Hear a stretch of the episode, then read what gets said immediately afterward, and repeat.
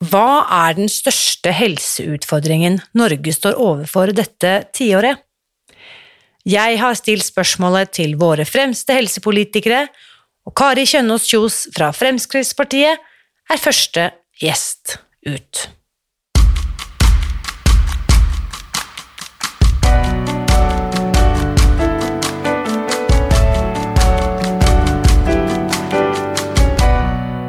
Mitt navn er Irina Lie. Jeg er journalist og forlegger, gründer og sosial entreprenør.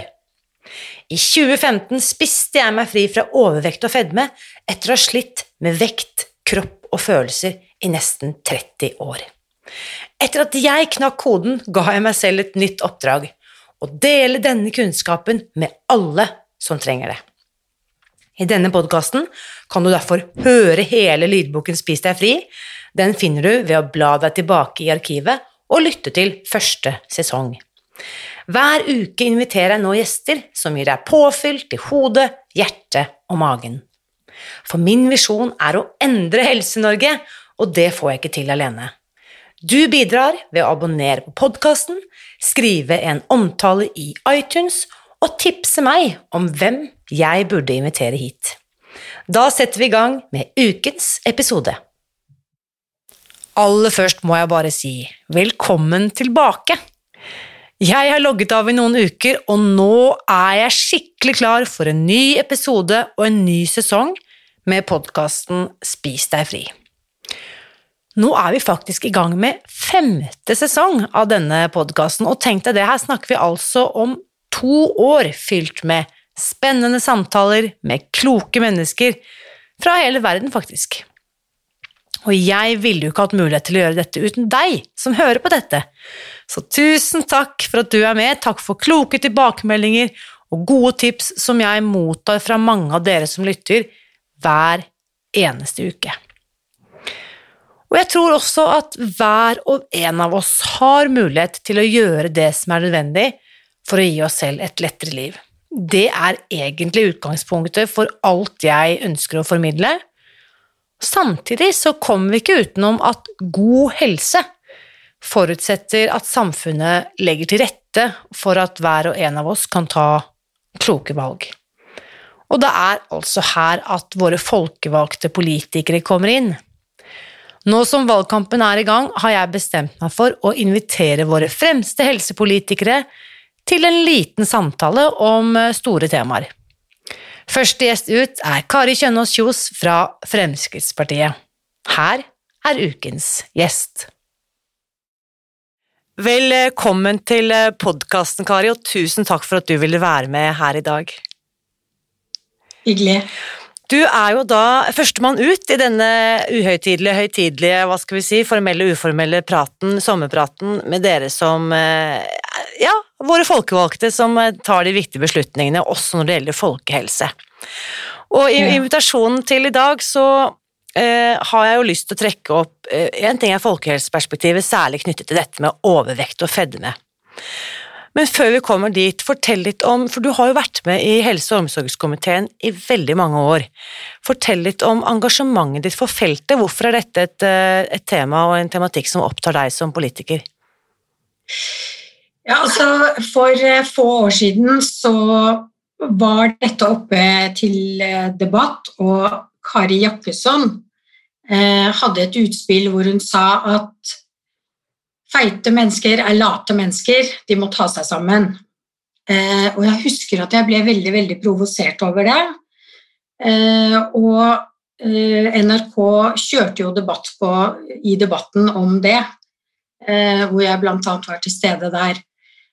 Eh, og da eh, fikk jeg mange henvendelser etter det, som handlet om ja, hvor stort dette feltet er, da, hvor mye forskjellige historier som ligger bak, og årsaker som ligger bak, og hvor tøft det er å leve sånn, eh, både fysisk og psykisk. Så eh, ja, så det, det, har på en måte fulgt meg hele tiden, men dette er eh, et tema som kanskje innenfor flere felt på helse er det er stort, det er ikke ett svar. Eh, og det handler om å se enkeltmennesker, for vi må finne eh, gode løsninger for den enkelte ut ifra hva man har i ryggsekken sin. Eh, og det er det jo innenfor flere felt, men da blir det også vanskeligere. Det ser vi i alle de sammenhenger hvor det ikke fins et fasitsvar, så er det mer krevende. Og det handler fryktelig mye om holdninger. Mm. Holdninger hos menneskene rundt deg, men også holdninger i, i eh, de som skal hjelpe deg. Mm. Jeg har stilt et litt stort spørsmål, og det er jo da hva tenker du, eller hva tenker Fremskrittspartiet, eh, hva definerer dere som den største helseutfordringen Norge står overfor nå det neste tiåret? Jeg tror at det er psykisk helse fordi psykisk helse eh, eller psykisk uhelse drar med seg mye annen uhelse. Sånn at det er på en måte inngangsporten til så veldig mye annet. Sånn at hvis vi kunne bli et litt mer åpent og inkluderende samfunn, hvor alle følte at de ble sett, så hadde vi gjort veldig mye på folkehelsefeltet generelt. Og jeg tenker at eh, den eh, nettiden som vi lever i nå, er på godt og vondt. Det betyr at du lett kommer til veldig masse informasjon, men det kommer også veldig lett til deg feil informasjon, negative omtaler, hets, trusler. Eh, du kan bli fanget opp av mennesker som ønsker deg vondt, bli lurt inn i systemer. Og det ser vi nå at det er på en måte en ny, en ny verden da, som vi kanskje ikke helt har tatt inn over oss. Og vi ser hva voksne mennesker skriver av kommentarer, eh, så tenker jeg at vi har en veldig veldig lang vei å mm. gå før vi kan, hvor vi kan si at nettet bare er en gave til oss. da. Mm. Og det er jo litt dette med dette tvegete sverdet, at ethvert nytt tilbud også kommer med eh, medaljens bakside, for å si det sånn. Og nettet er jo mm. et godt eksempel på dette. Men når det gjelder eh, jeg syns dette perspektivet du bringer inn med psykisk uhelse er jo ekstremt viktig. For vi vet jo også, sånn som du også var inne på innledningsvis, mange av de av oss som har slitt med overvekt, eller sliter med overvekt og fedme, det er jo ikke fordi at vi verken er late eller tjukke eller dumme, men kanskje vi har brukt da, sant, denne maten eller dette snackset eller drikken eller hva det måtte være, som en slags selvmedisinering. Men, mm. men, da, dette perspektivet mangler jo ofte i den, hva skal vi si, den, i behandlingsapparatet, da, ikke sant, eh, for de som skal tilby da hjelp mot overvekt og fedme. Og hva tenker du er de viktigste verktøyene hvis vi har med oss dette psykisk helseperspektivet òg? Hva er de viktigste verktøyene da vi kan ta i bruk for å hjelpe mennesker med overvekt og fedme? Nei, det handler jo om å, å finne den underliggende årsaken um, og ta tak i det uh, aller først. Fordi at hvis man ikke har det bra med seg selv eller ikke føler seg trygg i livet, så holder det på en måte ikke å si at du må gå eller være mer fysisk og spise litt mindre. Det er jo noe med å, å, behandle det som faktisk er eh, problemet. Det ser vi jo også veldig mye innenfor rusbehandlingen, at, vi, at, det er eh, underliggende grunner for det. Jeg har truffet mange faktisk med spiseforstyrrelser generelt, da, eller anoreksia. De, de sier at de, de blir jo møtt av et helsevesen, men de føler at de blir ikke møtt av et helsevesen som forstår hva som er deres problem. Mm. Altså De får på en måte at helsevesenet kan krysse av for at de har gitt et tilbud, men tilbudet hjalp ikke dem. Yes.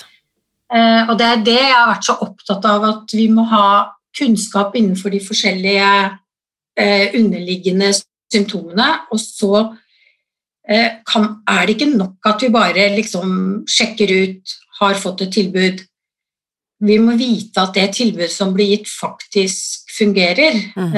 Og der mangler vi kompetanse. Vi trenger mer spisskompetanse. Altså har du vært utsatt for et uh, seksuelt overgrep, eller du har kommet som flyktninger fra krigen, så har du to forskjellige uh, diagnoser, da, eller ikke diagnoser, men du har med deg to forskjellige eh, traumer Mm. som må behandles på forskjellig måte.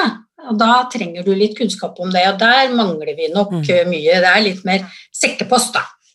Og her er vi jo Mm. inne på noe av kjerneproblemet, fordi flere fagfolk eh, jeg har snakket med, og som du også selvsagt kjenner godt til, det er også noe med hvordan dette helsevesenet vårt er organisert, ikke sant, hvor når jeg går til fastlegen da, så har jeg 15 minutter til rådighet, og det er kanskje ikke Mm. akkurat den tiden jeg trenger for å komme til bunns i mitt eget problem heller, ikke sant, at jeg skal tørre å klare kanskje å sette ord på det, eh, skjønne det, koble dottene selv, for så vidt. Eh, Denne, hva skal vi si, veldig eh, dette fokuset på å bedrive helseforetakene veldig bedriftsøkonomisk effektivt, tenker du at det må opp igjen til debatt? Er det noe som ligger i dette, eller hva tenker dere her? Altså, fastlegen ligger jo ikke under helseforetakene. Altså, fastlegen er jo kommunene, og så er helseforetakene staten. Eh, og fastlegen har jo faktisk lov til å sette opp lengre tid når det er nødvendig, og får takster i forhold til det. Eh, det er jo satt opp Det er jo sånn at når du bestiller time hos fastlegen, så vet jo ikke fastlegen om du trenger ekstra mye tid, så de har jo satt opp ut ifra hva som er deres eh, historikk, og hva som trengs. Ehm, og da Men så er jeg vet ikke, det er litt forskjellig. da. Noen har jo en fastlege hvor det hadde vært riktig å få bedre tid, og da må man si fra om det, at jeg trenger litt mer tid, for jeg har, trenger å gå litt dypt inn i en problemstilling som er ganske stor for meg. Um, og, og da vil legen kunne gjøre det, men han vil kanskje i mange sammenhenger eh, henvise deg til et annet, eller til noen andre da, som Mm. har litt mer kompetanse på dette. Mm. Så eh, spørsmålet er jo kanskje mer Har fastlegen nok kompetanse til å vite hvor han eller hun skal henvise meg? Mm. Det tror jeg kanskje er et større spørsmål. Mm. Og så eh,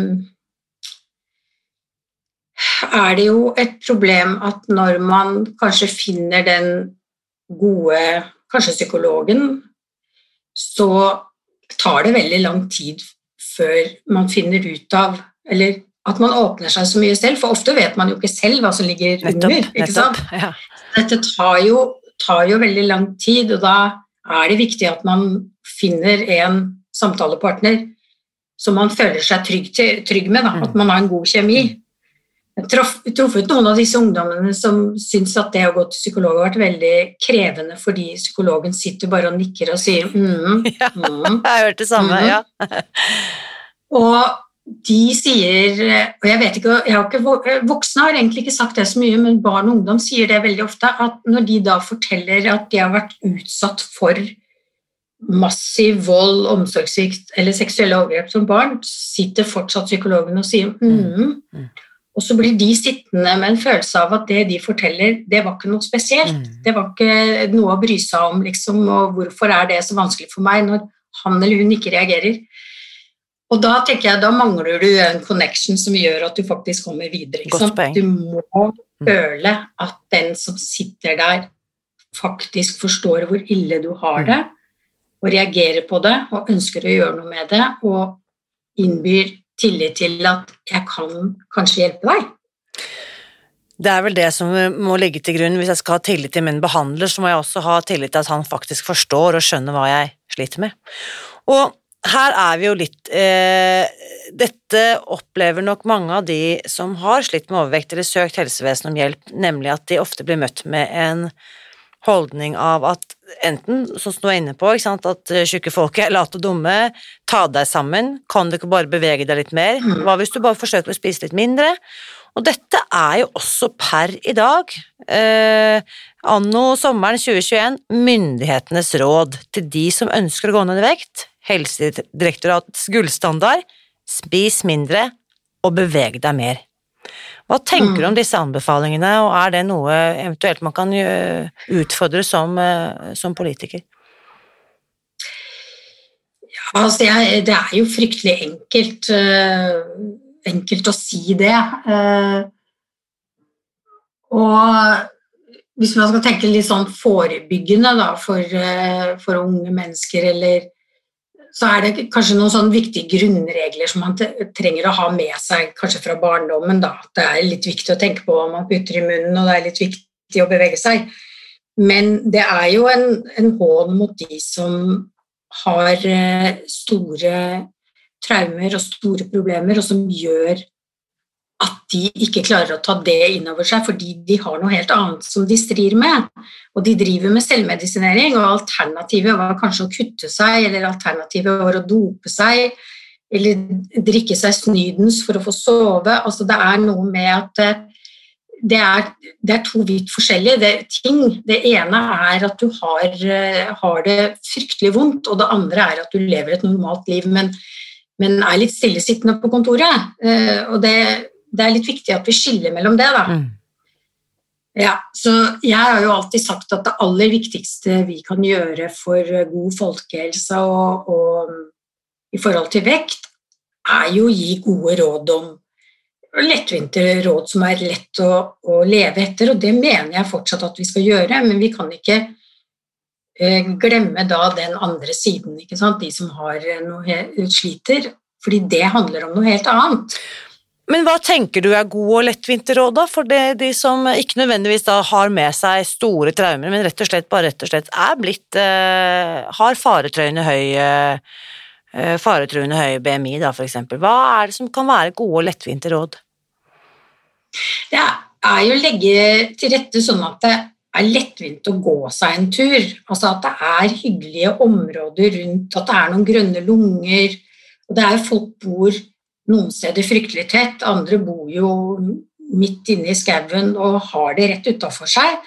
Vi må tenke særlig på de som, eh, som bor litt sånn til at eh, det er et herk å komme seg ut på tur, da. Det må vi passe på at vi aldri bygger samfunnet vårt sånn at det eh, ikke er en lettvint mulighet. Og da er det jo også svømmehaller og forskjellige idrettsarenaer som er tilgjengelig for alle, eh, som ikke handler om at du må være rik for å kunne dra dit. Og eh, at det blir en del av oppveksten din, fordi vi vet at det går litt i arv hvordan man lever som barn. da. Eh, det tar du gjerne med deg i, i voksen alder, og da syns jeg det er fint med gode råd om matlaging. Jeg savner jo skolekjøkken. Jeg hadde jo det når jeg gikk på barneskolen, herregud, vi lærte jo å lage skikkelig sunn og god mat som våre barn ikke har fått lært i det hele tatt. De har jo ikke sånt noe. De sitter og tegner en fruktsalat og kan ta med noen epler hjemmefra, så skal de lage en fruktsalat. Det er det som blir, blir fortalt våre barn. Jeg tenker at er, Vi har en mangel der, altså. Mm. Skolekjøkken, bedre oppvekstmiljø. Eh, Frp har jo også vært pådriver for lavere sukkeravgift, ikke sant, og som vi vet at eh, jo billigere, jo mer spiser folk. Hvordan henger dette i hop med bedre folkehelse? Ja, er det sånn at jo billigere, jo mer? Litt usikker på det. Eh, nordmenn valfarter jo til utlandet da, og kjøper med seg De fyller altså bilen med, med brus. I Norge har sukkerforbruket bare gått nedover og nedover og nedover hvert eneste år, og de fleste drikker faktisk eh, sukkerfri eh, brus nå. Eh, det fantes jo ikke da jeg var ung. Og når Danmark prøvde seg på det samme med å kutte i alle disse avgiftene for å unngå grensehandel, så gikk ikke forbruket opp. Så igjen så handler det om de gode vanene om hva som er eh, sunt å drikke. Eh, vi er jo så heldige at vi har godt vann i springen og drikker masse vann. Vi er flinke til å drikke vann i Norge. Det merker jeg at jeg savner når jeg er i utlandet. Det er å bare hente vann i springen og drikke eh, kaldt vann. Og jeg opplever at mange unge mennesker faktisk lærer barna sine det, å drikke mye vann istedenfor saft, som eh, var liksom det som var det gjeve når, når, jeg var ung, mens nå er brus mer det gjeve. Liksom. Så eh, samfunnet endrer seg, og vi har masse kunnskap. Og vi har kanskje de landene som har best tannhelse også, og det er fordi at vi er opptatt av at sukker skader tennene. Så vi er opptatt av de tingene, og ikke at vi skal miste tusener på tusener av arbeidsplasser. Og nå er det mange tusen unge mennesker uten formell utdanning som har fått jobb i varehandelen pga. stengte grenser. Og de får jo en bedre psykisk helse fordi de får lov til å være en del av samfunnet og være i en jobb istedenfor å sitte på gutterommet og spille data om natta. Ehm, og igjen, dette, alt henger på en måte sammen med alt, så for oss så handler det mer om arbeidsplasser og inkludere folk til å leve så gode liv som mulig i Norge. Og at eh, gjennom den kunnskapen vi gir barn og unge, eh, gir de kunnskap om at det å sitte og drikke brus eh, hele dagen, det er ikke veldig lurt. Det er også noen som har etterlyst Vi får se hva som skjer. Ja, vi får se hva som skjer, absolutt. Og vi får se også det er jo enkelte aktører, og en av de store dagligvarekjedene også, som har utfordret politikerne da på å kutte momsen på frukt og grønt, for å kunne gjøre dette ja. til en mer attraktiv eh, matvaregruppe og kanskje øke forbruket der. Hva tenker du om det? Ja eh, Det har vært litt sånn krevende, vi har jo sett på det, men det er sånn veldig krevende når vi har forskjellige satser på forskjellige typer produkter. Eh, men generelt så har vi ønsket å få en gjennomgang fordi det allerede nå finnes flere grupper. Da. Så det er egentlig en sånn skikkelig opprydding i den jungelen over Mons hadde nok vært en, en, fordel. Eh, det å flikke sånn én og én er ikke noe særlig lurt, men å ha en fullstendig gjennomgang, det tror jeg vi ville eh, støttet opp om, fordi vi har jo pekt og plukket på enkeltelementer av det. Men kunne det vært noe Frp kunne gått i bresjen for, at vi kutter momsen på frukt og grønt? Ja, det får du jo nesten spørre de som skal fortsette i politikken, da. Jeg gir meg jo nå. Ja. Men ja, du har jo en puls Det får nesten bli opp til det neste Stortinget ja. og så gjøre sine vurderinger. Hvis du, skulle, hvis du hadde hatt noe Hva ville din stemme gått til her? Nei, jeg ønsker som sagt at vi skal ta den fullstendige gjennomgangen, og så er det åpenbart at noen ting eh, burde vært momsfritt, eller har lav moms, og så kunne man kanskje ha to, en med lav, en med høy. Mm. Um, og så um, regulere det på den måten. Vi vet at du regulerer delvis i forhold til pris, men jeg tror dette handler veldig mye om holdninger og kunnskap også. Mm. Det som er lettvint, og det, det, som jeg tenker som er et sånn veldig godt eksempel på hvordan vi, vi tenker annerledes nå, det er at de første årene når jeg var på Stortinget, vi, vi løp jo fra møte til møte til møte. Og hvert eneste sted jeg var, så ble jeg tilbudt kaffe og wienerbrød. Ja. det er ganske krevende når du begynner å bli sulten og drive og spise det der søte wienerbrødet hele dagen fordi du ikke rekker lunsjen mellom møtene. Mens nå, de siste årene, så opplever jeg at i hvert fall 80-90% av alle møter som jeg blir invitert til nå, så står det fruktfat istedenfor. Yes. Det bare viser hvordan vi har endret uh, ting på uten å bruke pekefinger eller, eller moms eller andre virkemidler, men fordi vi har snakket om frukt og grønt, hvor viktig det er ikke ja. sant, i hverdagen. Og gjøre det mer tilgjengelig. Og det at Kolonialbutikker også har laget sånne salatbarer. Mm. ikke sant, At det ligger ferdig sånn kutta, du kan lage din egen personlige salat, gjør jo at ungdom faktisk nå istedenfor å i storefri gå og kjøpe en bolle, går og kjøper seg en salat. Yes. Så det er sånne virkemidler som er bedre. Absolutt. Og så må jeg bare spørre, vi mange av gjestene i denne podkasten, eh, om det er forskere eller professorer eller hvermannsen eh, eller politikere, så snakker vi også av og til om hvordan din egen helse er. Jeg må bare spørre deg, Kari, siden jeg har det her. Har du selv slitt med, med vekt, overvekt overvekt, den type problemer noen gang? Nei, det har jeg ikke. Men for helt ærlig så har jeg egentlig alltid vært veldig opptatt av eh, vekt. Vekta mi, da. Vært opptatt av at jeg ikke, ikke skulle miste kontrollen. Eh, fordi det ville det å skulle slanke seg da bli uoverkommelig. Så jeg har egentlig alltid fra jeg var veldig, veldig ung tenkt at det er lurt å passe på. Noen vil kanskje kalle det for tvangstanker, men jeg veier meg også hver eneste morgen. Ja. Det har jeg gjort hele livet. Ja. Og du er dønn stabil? Eh, jeg er ikke dønn stabil, for jeg legger på meg veldig lett. Ja. Særlig når jeg har ferie, for da koser jeg meg. Ehm, men eh, hver gang jeg kommer hjem fra ferie, så har jeg det i bakhodet og er litt flink i noen dager til jeg er tilbake på vekta mi. Og dette klarte jeg å ha full kontroll på helt til jeg fylte 50 år. Da sluttet jeg å røyke samtidig som jeg kom i overgangsalderen. Da funka ikke den teknikken lenger. Da legger jeg på meg uansett hva jeg gjør. Mm. Så eh, noen ting er jo bare Handler jo også om bakenforliggende sykdommer eller medisiner man går på, eller røykeslutt er jo en typisk sånn greie. Mm. Mange legger på seg av overgangsalder. Eh, ja, så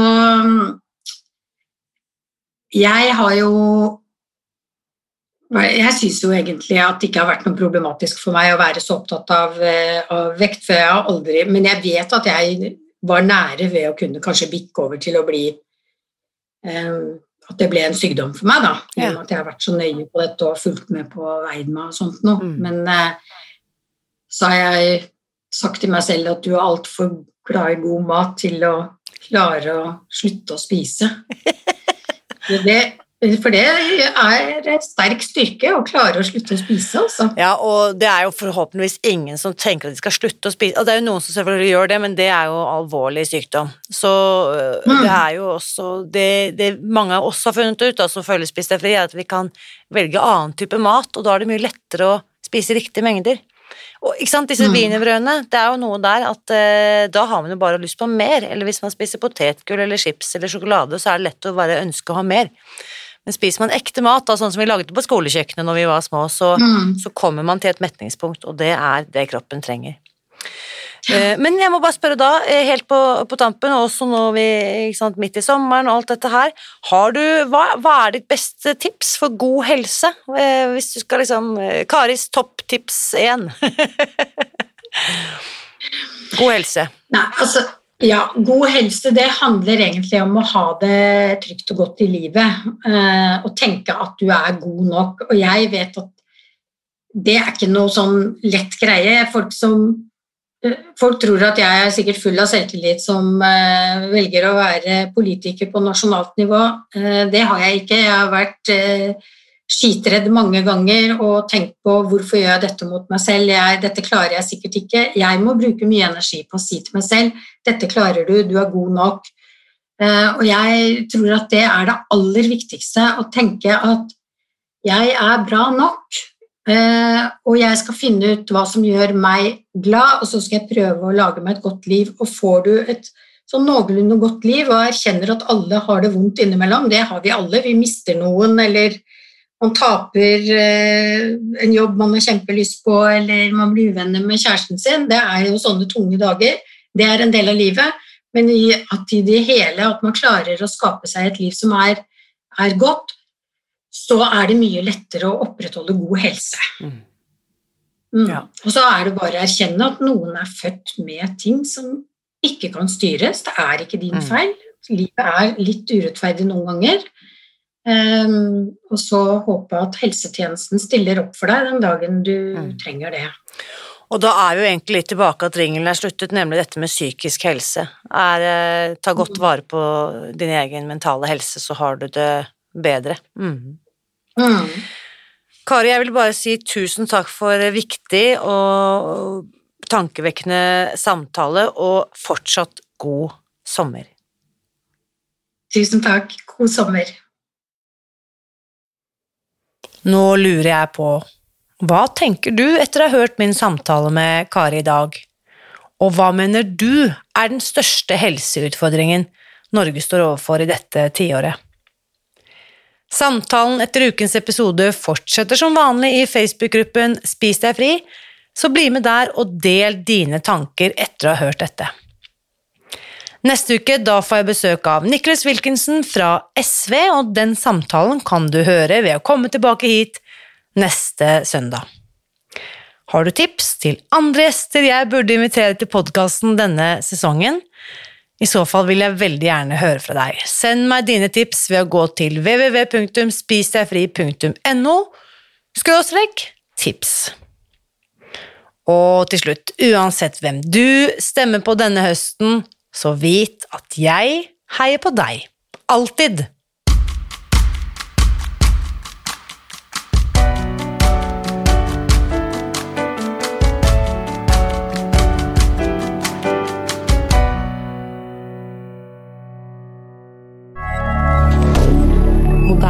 D'accord.